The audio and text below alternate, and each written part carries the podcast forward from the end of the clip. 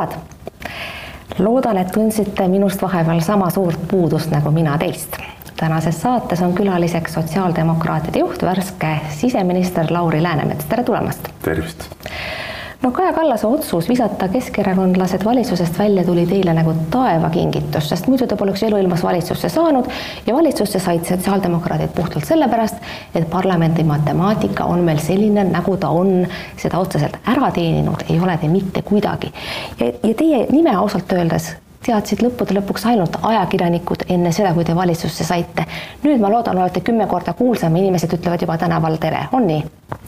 teate, valitsusse saavad kõik erakonnad selle parlamendi matemaatika loogika järgi, mitte ainult sotsiaaldemokraadid, muud moodi ei olegi võimalik. ja poliitika juurde käib see reegel, mida ma olen ka öelnud alati, et me kunagi ei tea, mis homme juhtub ja selleks peavad kõik valmis olema need, kes on võimul ja need, kes on opositsioonis, et äh, loomulikult kõik opositsioonis on sellisteks olukordadeks valmis.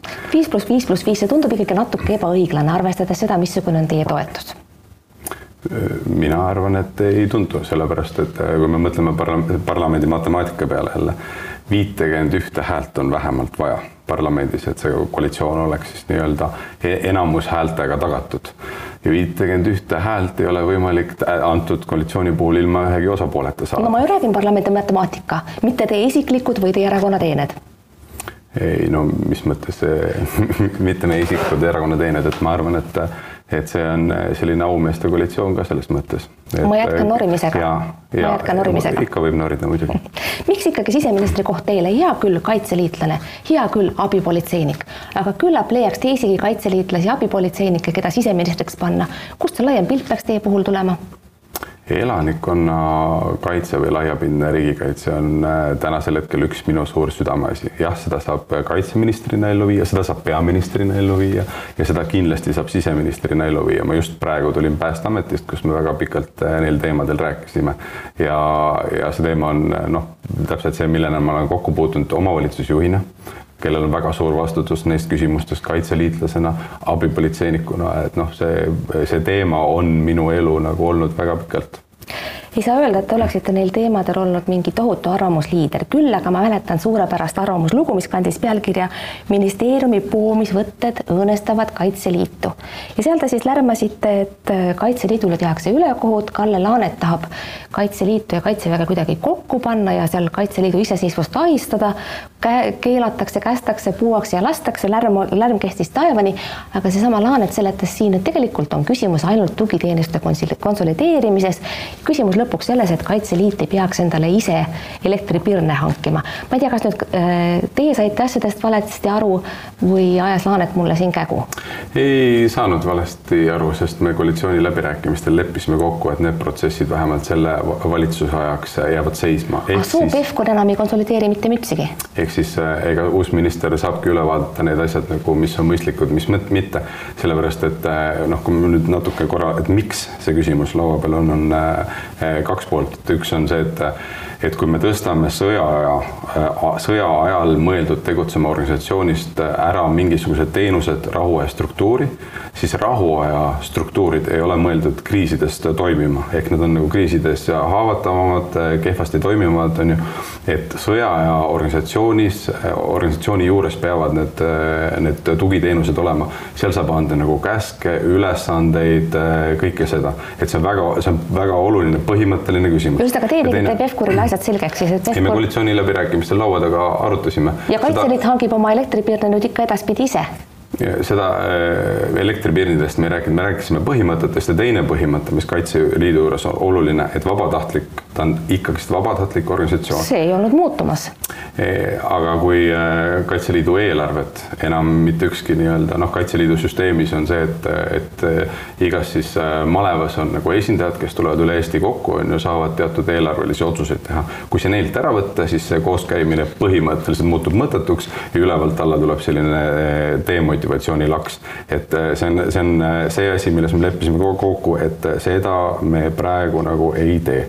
väga oluline asi, et see vabatahtlikkuse nii-öelda põhimõte ja tunne selles organisatsioonis säiliks. mul ei jäänud seda debatti jälgides küll kuidagi muljet, et Kaitseliidu vabatahtlikkuse põhimõtte kallale oleks keegi läinud, aga küll ma Pevkuri käest järele uurin niipea, kui tema siia stuudiosse tuleb.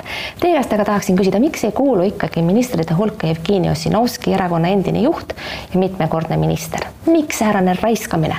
Jevgeni Ossinovski on Tallinna linnavolikogu no see on mulle esimees. teada sama hästi kui teile. ja, ja see on väga auväärne tiitel, üks asi ja, ja teine asi, et, et meil on ka ülesannete jaotus erakonnas, et kõik ei saa kõiki asju teha. aga te kutsusite et, teda? et ei ole kutsunud, see selles mõttes, et, et meil oli ka enne, kui me valitsusse läksime, olid need asjad selged, et kuni valimisteni Jevgeni Ossinovski ülesanne on vedada kogu seda sotsiaaldemokraatide tegevust äh, Tallinnas.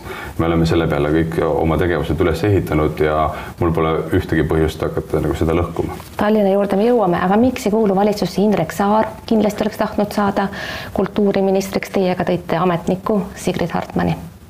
Piret Hartmani. Piret Hartmani, palun vabandust Piret Hartman on väga tubli äh, asekantsler olnud, ma arvan, et Eesti avaliku sektori äh, tippjuhtidest üks võimekamaid. aga küsimus oli, miks Indrek Saar ei kõlvanud? Indrek Saar kõlbab ka. aga miks tema ei ole valitsuses, aga kas te tegite talle ettepaneku? kui me vaatame, ma tegin veel parema ettepaneku võib-olla, et Indrek Saar on fraktsiooni esimees sotsiaaldemokraatidel täna Riigikogus ja koalitsiooninõukogu, mis lahendab kõige keerulisemaid ja kõige olulisemaid asju, sinna kuulub vähemalt kaks inimest, reeglina kaks. üks on siis valitsusdelegatsiooni juht, kes äh, olen mina ja teine on fraktsiooni esimees, kes on Indrek Saar, ehk ta kõige olulisemate otsuste juures on olemas. no nimetatud Hartman on vana rahvaliitlane, muide nägu teie isegi Teie lasite küll sealt Rahvaliidust jalga enne EKRE esiletõusu, aga kas ei võiks tagantjärele vaadates mõelda niimoodi, et EKRE tegi kaks tuhat kümme ja sellele järgnenud aegadel siis, kui Rahvaliidu ja sotside ühinemine oli kõne all ära selle, mida sotsiaaldemokraadid ei suutnud.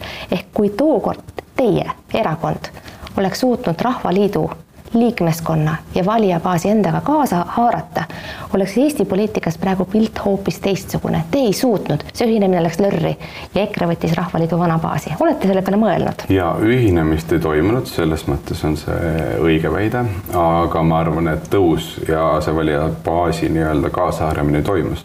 et sotsiaaldemokraadid pärast äh, kõiki neid liikumisi olid ju Eesti populaarsem erakond, meie toetus sellel hetkel, tollel hetkel ju ulatus ligi kolmekümne protsendini protsendini. ehk siis, äh, ehk siis see sisuliselt ju kõik juhtus, lihtsalt ma arvan, et hiljem on äh, ja seda ma olen varasemalt välja ka öelnud, et äh, oleme me andnud nagu võimalust neil inimestel vaadata teiste erakondade poole, kaasa arvatud EKRE. kõige suurem skandaal värskes valitsuses on seotud nimelt teie ministriga Peep Petersoniga, kes on endine ametiühingu juht. ja sellest on juba räägitud päris palju, te olete saanud ka esitada oma vastuargumente, et mingisugust huvide konflikti seal ei ole, kuigi valitsuse hea tava defineerib Petersoni endist ametiühingu liidrit lobistina. ma ei anna teile siin võimalust neid argumente juba korrata, mida te olete öelnud. küsimus oleks aga, kus olite teie ja kus oli Peterson ja kus olid ametiühingud sellel ajal, kui seda head tava koostati? Ja ametiühingu liider sinna sisse läks kui lobist? aga see ei ole küsimus mulle, see on küsimus eelmisele valitsusele ja eelmise, võib-olla eelmise valitsuse juhile ka. aga mida ma pean silmas, on seda, et ametiühingud kindlasti olid kaasatud ehk Peterson ise võiks. ma tõesti ei oska öelda. Nagu, kas ameti, ei, loomulikult ma pole küsinud, et äh, kuidas või mis tasandil keegi kaasatud oli. ma olen proovinud tõesti nagu selgust üldse saada, kes sellesse protsessi kaasatud oli, et äh, seda.... no ametiühingud kindlasti olid no ma loodan, et olid, aga seda te peate küsima nende käest, et mul seda informatsiooni Teie erakonnakaaslane? mul seda informatsiooni ei ole. kõige head... suurem skandaal, mis on praegu lahti ja te ei tea, mis see tagamaa on? ma ei nimetaks seda skandaaliks. no kuulge. et, et mina ütleks niimoodi, et see hea tava on väga oluline dokument ja need põhimõtted, et lobistid tõesti riigi juhtimise juures sellisena nagu ei ole, on ju oluline aga seal, seal on noh, nii-öelda sisuliselt mõeldud natuke teisi asju. ametiühingud, see liin, mida Peep Peterson ajab ja tegelikult sotsiaaldemokraatlik maailmavaade on ju sisuliselt nagu suhteliselt sarnased asjad. ehk siis Peep Peterson, mina ütlen täna valitsuses ei ole mitte kui nagu ametiühingute nagu eestseisev, vaid see on nii-öelda see, mida ta teeb, on tema maailmavaade ja seda me nagu keegi kitsendama ei saa hakata ja loomulikult ta peab, ta peab vaatama, et kui on mingid küsimused, mis puudutavad, ma ei tea, ametiühingutele rahade eraldamist, siis neis küsimustes no, Peterson osaleda ei saa. no aga see on ju aga... naeruväärne, siis te oleksite võinud luua varre ministriks panna, kui Peterson ei saa töövõtjatega seotud teemadel sõna võtta. ei, aga seal saab no kuidas, kuidas ta saab, ametiühingute juhina oli tema tegutsemisala ju päris lai, ta seisis töövõtjate eest ja kui ta nüüd neid, neist teemadest peab ennast taandama, mis seal vahet siis on, kes minister on? mis see konflikti koht on?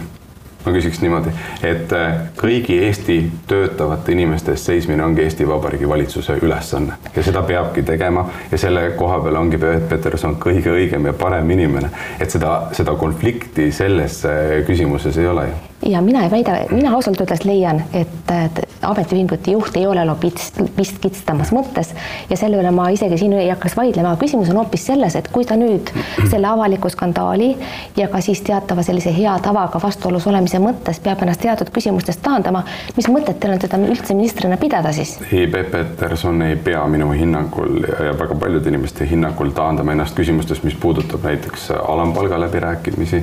ta ei pea taandama küsimustest, mis puudutab, ma ei tea, tervishoiu, Eesti töötajate tervishoiu küsimusi, selliseid üld, üldiseid printsiipe ja seaduseid, et ta ongi töö, tervise- ja tööminister rõhuasetusega ka töö just sellepärast, et ta nendes küsimustes on hea.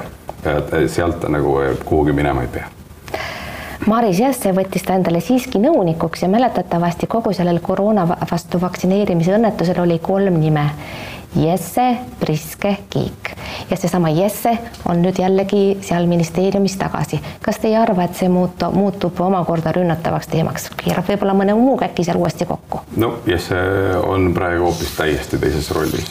ministri nõuniku roll on toetada tugida ministri tööd ja, ja kui me mõtleme ka varasematele otsustele, siis tegelikult ikkagist juhid on need, kes ütlevad, kuhu suunas minnakse, mismoodi ja nende ülesanne on noh, nii-öelda märgata ka probleeme ja neist õigel ajal aru saada. et seda ei saa nüüd öelda, et kõik, mis koroonaga juhtus, oli kuidagi Maris Jesse nagu süü. Riina Sikkutile andsite majandusministri portfelli selleks, et ta seal põruks või kuidas? Ei, vastupidi, see on väga suur tunnustus, sellepärast et eh, mina julgen väita, et eh, selle talve üks eh, kõige olulisem ministriportfell ongi see majandus-taristuminister, kus kohas Riina Sikkut on. kui me täna vaatame, siis ma arvan, et ta on väga kiiresti sisse elanud, väga tublilt saab hakkama ja ka tema taust, me küll oleme harjunud nägema teda terviseteemadel ja terviseeksperdina, aga Riina Sikkutil on majandusharidus, Riigikogus rahanduskomisjoni liige, et selles mõttes me arvame väga õige koha peal aga ma pidasin silmas hoopis seda, et tema oli teie peamine favoriit siis, kui erakonnale esimeest valiti. ja olgem ausad, ega teie ülekaal Riina Sikkuti ees just eriti veenev ei olnud.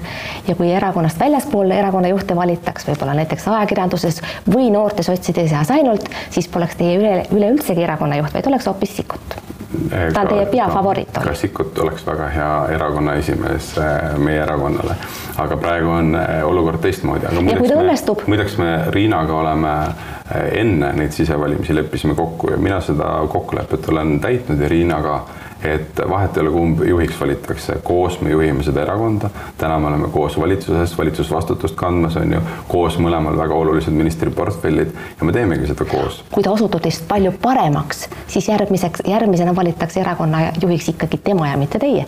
See pole üldse mingi probleem et see selles mõttes, et demokraatias juhid vahetuvad erakonna sees ka, see on minu arvates tavaline normaalne asi. ma olen, ma, kui me juhiks kandideerisin või, või sain, siis siis äh, ma olen seda kogu aeg öelnud, et, et mina ei arva, et mina pean olema igavesti erakonna esimees. et ma arvan, et siis, kui inimesed hakkavad nii arvama, siis on nagu halvasti. see oht teid ei ähvarda, ärge üldse muretsege. aga mida ma Sikkutiga seoses tahtsin veel, veel äh, tähelepanu juhtida, on see, et tegelikult otsisite te ju majandusministri kohale silmapaistvat finantsisti, eksperti, kelle nimi pole avalikult välja öeldud, aga kes näitas teile trääsa, ta ei tulnud. miks ja kes see üldse oli? jah, ja vastab tõele, seda ma olen ise ka öelnud, et eh, ma pöördusin paari inimese poole. tegelikult oli neid mitu. täpselt jah, täpselt on ju, et eh, mõne inimese poole, kes olid tugevad Eesti naistippjuhid Need olid naised? jah, need olid naised ja tugevad Eesti naistippjuhid ja loomulikult oleks väga hea olnud, et kui keegi aga miks nad ei tahtnud sotsiaaldemokraadi, sotsiaaldemokraatide ministrit? Nende käest küsima, aga ma arvan, et see on äh, imelik siin ka, siin ka öelda, aga ilmselgelt äh, sellised noh, eraettevõtluses olevad tippjuhid, noh, ma arvan, et nende palk on kaks-kolm korda suurem kui ministri palk, palk Eestis. pakkumine on kaheksaks kuuks, siis edasi hiljem ei tea. Ja lõppkokkuvõttes on sul aega otsustada pool päeva, et noh, loomulikult on selliseid otsuseid keeruline teha paar sõna ka ühest teisest koalitsioonist, kuhu sotsiaaldemokraadid kuuluvad, nimelt siis Mihhail Kõlvarti juhitav linnavalitsus Tallinnas. seal ta ausalt öeldes pole eriti silma paistnud ja vahel tuleb mulle, tulevad mulle meelde õndsa Jüri Pihli ajad, kelle ajal kõik rääkisid, et sotsid on Keskerakonna puudlid. miks äh, ei ole sotsiaaldemokraadid Tallinnas üleüldse silma paistnud? Kõigepealt ma selle puudlite küsimuse kohta ütlen, et äh, kui vaadata Tallinna linnavolikogu on päris mitmeid olulisi otsuseid äh, võtnud vastu, mis puudutab Ukrainat, Venemaa agressiooni on ju ja lepingute lõpetamist, siis, äh, siis need ei juhtunud niisama. Need olid ikkagist väga tugevalt sotsiaaldemokraatide poolt eest veetud või, või siis nii-öelda toetatud tegevused. et ja ma arvan, et see ei näita, et kuidagi, et me oleks puudlid ja minu arvates neid asju oli näha, aga nii nagu läbirääkimistegagi tavaliselt ei ole oluline see, milliselt positsioonilt alustatakse, vaid kus lõpetatakse, ehk siis äh, iga asi omal ajal, et, äh, et äh, Riigikogu valimisteni on natukene aega, küll selleks ajaks on sotside tegevused Tallinnas paremini näha ja ka järgmiste kohalike valimisteni. Vaatame korraks ka sotsiaaldemokraatide ajalukku. juhtidega ausalt öeldes ei ole sotsiaaldemokraatidel väga vedanud, teie eellased mõõdukad andsid küll Eestile president Toomas Hendrik Ilvese, aga just tänu temale süvenes selline härrassotside mulje ja see tekkis selline arusaam, et sotsiaaldemokraadid Eestis tööinimese higi, verd ja pisaraid üleüldse ei mõista. Kui teie tulite erakonna juhiks, siis seadsite te endale eeskujuks Ivari Padari, kes tegelikult oli rohkem nagu põllumehe imagoga, mitte aga näiteks Sven Mikseri, kelle ajal reiting oli päris hea ja ammugi mitte Jevgeni Ossinovski, kes ka veel oli tõsiseltvõetav poliitik. Miks te seadsite endale eesmärgiks üles leida Ivari Padari vanad valijad, olgem ausad, need on ju ammu laiali jooksnud eri erakondade vahel see on äh, hästi tore, et, et vist keegi ajakirjanik oli hoopis see, kes ütles, et see Ivari Padari valija on see, keda me taga ajame. et mina ei seadnud omale ühtegi endist erakonna esimeest eeskujuks, mina, minu programm sisevalimistel oli edasi juurte juurde. ehk siis sellised sotsiaaldemokraatlikud põhiväärtused ja loogika, et mida me ka täna, miks me täna ka valitsuses oleme, et inimeste toimetulekut kindlustada, et, et tagada nagu julgeolekut ja ja, ja, ja, ja loogika, et noh, võib-olla kuhu mitte ainult Eestis, vaid ka maailmas sotsiaaldemokraatlikud erakonnad võib-olla viimastel aastakümnetel palju on liikunud, on see, et hästi palju sotsiaaltoetusi. aga parimad sotsiaaltoetused on ühtlaselt kõrged palgad, ehk kui inimene saab normaalse palga, eh, saab sellest ilusti ära elada, siis pole vaja meil sotsiaaltoetustega nii palju tegeleda. ehk siis noh, need loogikad, mille poole me püüdleme ja see on näiteks põhjus, miks Peep Peterson on täna tervise- ja tööminister ja kõiksugu muud eh, tegevused. et Ivari Padar tegi siis seda, ega Ivari Padari nime ei mõelnud ju ajakirjanik välja, teie ikka ütlesite aja, seda. jah, ajakirjanik, keegi oli ajakirjanik. pani teile sõnad suhu? ja, aga minu arvates see oli ka väga tore kujund, et kõik said äh, konkreetselt aru, et umbes keda me, äh, keda, keda võiks äh, me silmas pidada. ja tegelikult see on ka üks põhjus, miks näiteks koalitsioonilepingus meil on kokku lepitud, mille see valitsus ära teeb, on siis tulu, tulumaksu vabastus miinimumpalgale et noh, et ongi need inimese töö küsimused ja sissetuleku küsimused. sinna jõuame. aga siis sellega seoses tahakski just küsida, et kas sotsid seina seisavad täna töölisklassi eest? Twitteris on üks maruäge konto, mis iga päev küsib, kas sotsid seisavad täna töölisklassi eest ja vastus on suurte tähtedega kirjutatud ei. minu teada on see üks ühe noorsotsi konto. miks noored sotsid teiega nii rahulolematud on? Teil on päris head andmed, minu teada on ka ühe noorsotsi konto ja meile väga see konto meeldib ja minu arvates see on äh, väga tore ja aus. see tähendab seda, et ta ju mõõdab seda, mida ta näeb ja kuuleb et ilmselgelt noh, ma olen tähele vaadanud seda ise ka, et mõnikord on seal kõik ilusti, noh, seal on ikka vahepeal jah, jah, jah, jah ka päris palju olnud. et eh, ja mõnikord ei kuulegi inimesed kõike või ei näegi, ei märkagi niimoodi on ju. no mina näen seda, see on ikka väga järjekindlalt seal ei, mis tähendab seda, et noorte sotside näol on teil olemas väga tugev siseopositsioon, mis jällegi võib teile hakata kätte maksma järgmistel eh, erakonna esimehe juhi valimistel teatav rahulolematuse foon Twitteris on kogu aeg olemas. ma olen olnud ise noorsotside president kunagi ja sellel noorteorganisatsioonil on oluline roll selle erakonna juures, vastupidiselt teistele erakondadele.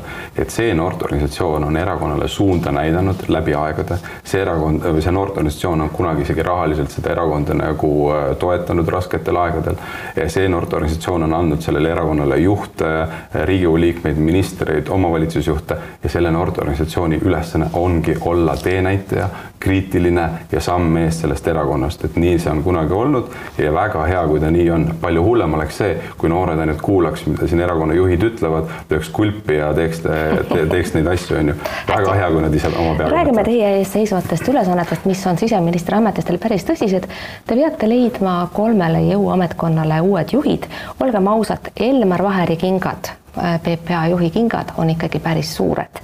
Ja ega ei ole lihtne leida ka uut kaitsepolitsei peadirektorit, noh, Päästeamet on võib-olla natukene vähem tähelepanu all, aga siiski, kas töö selles suunas nendele inimestele järglase leidmiseks on juba alanud?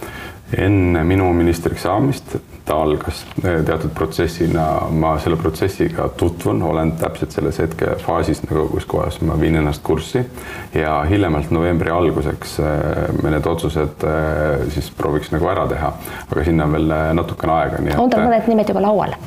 Ei, selles mõttes ei ole, et seal äh, see valikuprotsess või nii-öelda, et kelle vahel kaaluda nagu on praegu alles käimas. hästi, teil on äh, jumala huvitavad koalitsioonipartnerid seal valitsuses, Isamaa okay. ministrid on tohutumalt palju tähelepanu saanud. kuidas saate läbi näiteks Lea Danilson-Järje ja Kristjan Järvaniga, kes muide näiteks tänases Postimehes laseb Eesti Panga sõela põhjaks ja president Karise kantselei saab ka pihta?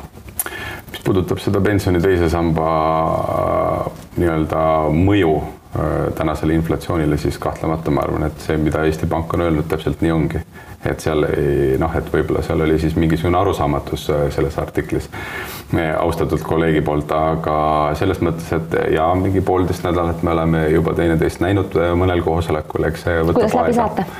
väga toredalt, nii nagu alati saavad inimesed pooleteist nädala jooksul toredalt läbi ja ma usun, et edaspidi ka.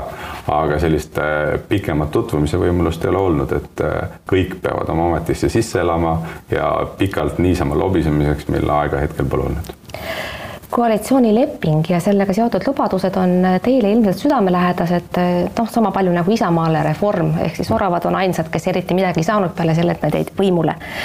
mulle torkas silma, et te kelgite Facebookis tulumaksuvaba miinimumi suurendamisega, aga see on ikka täitsa veider, see oli oravate valmis lubadus. mismoodi te seda siis nüüd Sendra kontole ümber kirjutate? ma ei tea, kelle valimislubadus ta oli no,, aga see on tea? see, mille eest sotsiaaldemokraadid on seisnud. Mina, mina tean, tean, ma ütlen teile. see on väga hea, see on väga hea, kui nad seda ettepanekut ka toetavad ja nagu te näete. Te lihtsalt ei märganud seda varem. see on koalitsioonilepingus sees aga see on äh, sotsiaaldemokraatide valimislubadus ka, sest äh, nende muudatustega keskmise ja madalama inimeste sissetulek äh, suureneb. loomulikult me tahtsime suuremat summat, et see oleks kaheksasada eurot, oleks tulumaksuvaba, aga pole hullu, täpselt pool teeme praegu ära, teise poole tegeme, teeme pärast valimisi ja see on juba seitsme kuu pärast. pärast valimisi olete te kõik mitte ainult teie erakond, vaid kõik parteid selle olukorra ees, et te peate hakkama makse tõstma, sest ega raha ei kasva puu otsas, nagu praegune valitsus näib arvavat ja sellesse kuuluvad erakonnad samamoodi. makse tuleb hakata tõstma, ma saan aru, te praegu sellest rääkida ei taha, aga pärast valimisi te peate. missuguseid makse on sotsiaaldemokraatid valmis suurendama? Mina räägiks üldse maksusüsteemi äh, muutmisest ja no, mina võin sellest rääkida ja, me, ja sotsiaaldemokraadid võivad sellest küsimusest rääkida. nii, tõstma pärast valimisi ka, et äh, esimese asjana langetame e, ja jätkame sellesama tulumaksuvaba miinimumiga, sest see annab tõesti sellele alumisele otsale inimestele äh, suurema sissetuleku. ja kütab inflatsiooni. see on põhimõtteline küsimus, aga nüüd ongi, et inflatsiooni nii-öelda, et seda kütmist ei toimuks, siis selle jaoks on olemas mujal, ütleme nii, et peaaegu enamus lääneriikides enamus, no välja arvatud põhimõtteliselt Venemaa ja äh, Ladina-Ameerika riigid, mujal on olemas progressiiv, progresseeruv ehk astmeline tulumaks. kui sa annad altpoolt juurde, äh, siis ülevalt poolt võtad natukene vähemaks. ehk siis Keskerakonnaga ühes paadis oleksite astmelise tulumaksu. Keskerakond toetab ka seda ideed, et see on ju noh, ajalooliselt läbi ja lõhki sotsiaaldemokraatide idee ja kui ma mõtlen, et inimene, kes minu arvates teenib, äh, ma ei tea, neli-viis tuhat eurot kuus palka, kui ta peab viiskümmend eurot rohkem maksma, tema elukvaliteet ei, tema elukvaliteet ei halvene, aga selle viiekümne euro eest me võime aidata väga paljusid lapsi, väga paljusid äh, toimetulekuraskusest puu, puudega inimesi, et selles mõttes ma arvan, et see põhimõtte küsimus, et siiamaani räägitakse, et kuidagi maksu maksmine ja võib-olla natuke rohkem maksu maksmine on kuidagi karistamine. ei, ma arvan, et see on auasi. ma juhin vaataja tähelepanu sellele, et Läänemets lubas praegu siin hakata seisma astmelise tulumaksu kehtestamise eest. räägime natuke, räägime natuke teie kolleegist Katri Raigist, kes on Narvas tohutu tähelepanu all ühe punamonumendi pärast, mida tegelikult neid on Eestis täitsa palju. Raiki on päris palju kritiseeritud, mis ta peaks selle tankiga tegema seal siis teie meelest? Ma arvan, et tervel, ütleme nii, et enamus Eesti ühiskonna ootus, enamus Eesti ühiskonna ootus on äh, punamonumentidega, ma arvan, ühene et äh, neid äh, meie ühiskonnas noh, agressorriigi niisuguseid tunnustavaid äh, sümboleid võib-olla ei peaks nagu olema, on ju. ja, ja selle jaoks on ka meil valitsuse juures komisjon, kes võtab, võtab, vaatab kõik asjad üle, et kõik need, kui seal monument on siis vaja teisaldada, on ju, et siis see saaks teha. nii et Raigile on, et viige see tank ikka minema Eh, ja seda saab eh, Narva linn eh, otsustada, on ju, aga ma juhiks tähelepanu, et, et selliseid otsuseid ei tee linnapead, selliseid otsuseid teevad volikogud. Ja ma kujutan ette, et Narva linnavolikogu koosseisus on, ma arvan, enamuse arvamus on hoopis teistsugune kohalike venelaste hääletamisõigusest, teatavasti nad, äh, halli passiga inimesed saavad hääletada ainult kohalikel valimistel, aga mitte Riigikogu valimistel. ja päris äh, sageli on nüüd ka küsitud, et kas kohalikel valimistel nad ikka peaksid saama valida. missugune on teie vastus? Mina seda küsimust äh, täna nagu ei tõstataks, äh, sest ma arvan, et julgeolek. aga mina just tõstatasin ja, ja teie vastate. ja mina vastangi jah, ma mõtlen selles mõttes ei tõstataks, ma ei hakkaks seda muudatust äh, täna tegema, seda julgeolekukaalutlustel, et me kõigepealt tegeleme monumentidega, siis me võtame relvi ära, on ju, ja võtame valimisõigust. see valimisõiguse küsimus on üldse väga põhimõtteline küsimus. Te ei puutuks seda? nii üht kui teistpidi ja täna ma tõesti ei puutuks seda minu tähelepanu köitis seda, et e-, köitis see, et eestikeelne haridus on koalitsioonilepingus lausa enne riigikaitset ja ma tean, et teie selles küsimuses, teie erakond selles küsimuses ülearu entusiastlik mm -hmm. ei olnud, kuid millega selgitada seda, et ta on tõesti esimene ja alles riigikaitse sõjaolukorras tuleb teisena eesti keel ja kultuur ongi olulised, et selle jaoks see riik ongi ja siis seda peabki kaitsma. ehk ma arvan, et see on nagu selline seletus ja, ja eestikeelsele haridusele üleminek on see, mida sotsiaaldemokraadid kindlasti toetavad ja läbirääkimistel ka toetasime. aga olgem täpsed, et kui seda teha aastal kaks tuhat kakskümmend neli, nii nagu me lõpuks olime sunnitud kokku leppima, et see koalitsioon tuleb, siis mina olen skeptiline, sest ma ei usu, et me tuhandeid õpetajaid pooleteist aastaga suudame juurde leida ja, ja välja koolitada. me pakkusime palju sellised süsteemsemad mõistlikud mõistlikumad ajaraamid, kuidas sa lasteaiast alates hakkab tulema, läheb kooli üle ilusti niimoodi, et ja meil on tagatud see, et kõik õpilased on valmis jõuama õpetajaid koolitada. noh, sellest me kokku leppida ei saanud, eks me nüüd siis näeme, et ühel hetkel peab haridus-teadusminister tulema mitte ainult siis selle eh, seadusesse nende kuupäevade muutmise ettepanekuga, vaid tal peab ka olema sisuline plaan ja loomulikult me siis proovime seda sisulist plaani võimalikult heaks teha Lauri Läänemets, kaks viimast küsimust, lühikesed vastused, mida teevad sotsiaaldemokraadid selles valitsuses ära LGBT inimeste heaks? Seisame nende õiguste eest seal, kus see võimalik on, kui te mõtlete. seal, kus see võimalik on, sellega on kõik öeldud. ja, ja, ja ongi niimoodi ja, ja ma arvan, et tulebki ausalt öelda, et selle koalitsiooni koosseis ei ole selline, kus kohas oleks võimalik näiteks rakendusakte vastu võtta. kui seda oleks võimalik teha, siis loomulikult seda tuleks teha. ehk siis minu küsimus, järgmine aga... küsimus on juba vastatud, millal saavad samast soost inimesed Eestis abielluda? jumal seda teab ei, jumal, jumal ei pruugi ka niisuguseid asju teada, aga meil tulevad valimised ja ma loodan, et Eesti inimesed teevad nagu õiged valikud. et lõpuks äh, meil pärast neid valimisi on ka selline koalitsioon, mis neid küsimusi lahendada saab. Laur Läänemets, ma tänan teid selle vestluse eest, head sõbrad, aitäh, et te vaatasite. vaadake järgmist saadet ikka jälle, see on juba tuleval nädalal. seniks kõike head, kuulmiseni ja nägemiseni